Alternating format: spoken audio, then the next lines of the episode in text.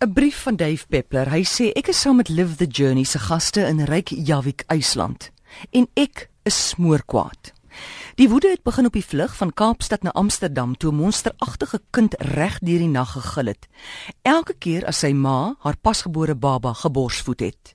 Skielik het ek groot insaag gehad in man se gedrag later in die lewe, veral as dit by vroulike toebehore kom. En nou is IJsland kookwarm. Magtie, ons het dan juis vir sneeu, gletsers en poolwinde gekom. Maar stap jy deur die wonderlike stad, verander negatiewe emosies soos woede in suiwer bewondering. Ek hou vol dat IJsland een van die skoonste en gemanikureerde plekke op aarde is. Die strate is ontneem van alle rommel.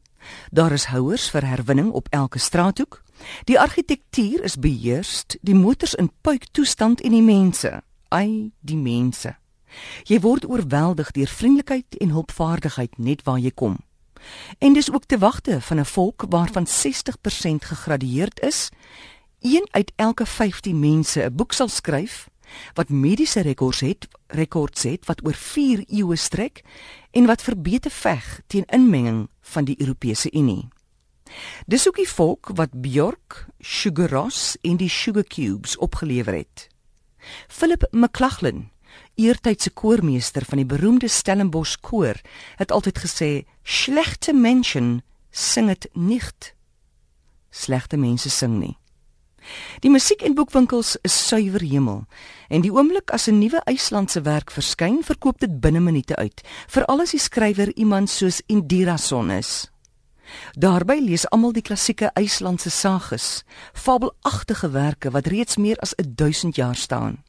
So akkuraat is hierdie vertellings dat mens vandag nog jou weg kan vind aan die landskappe wat daarin beskryf is. Kom dit by energieverwekking, is IJsland die wêreld voor.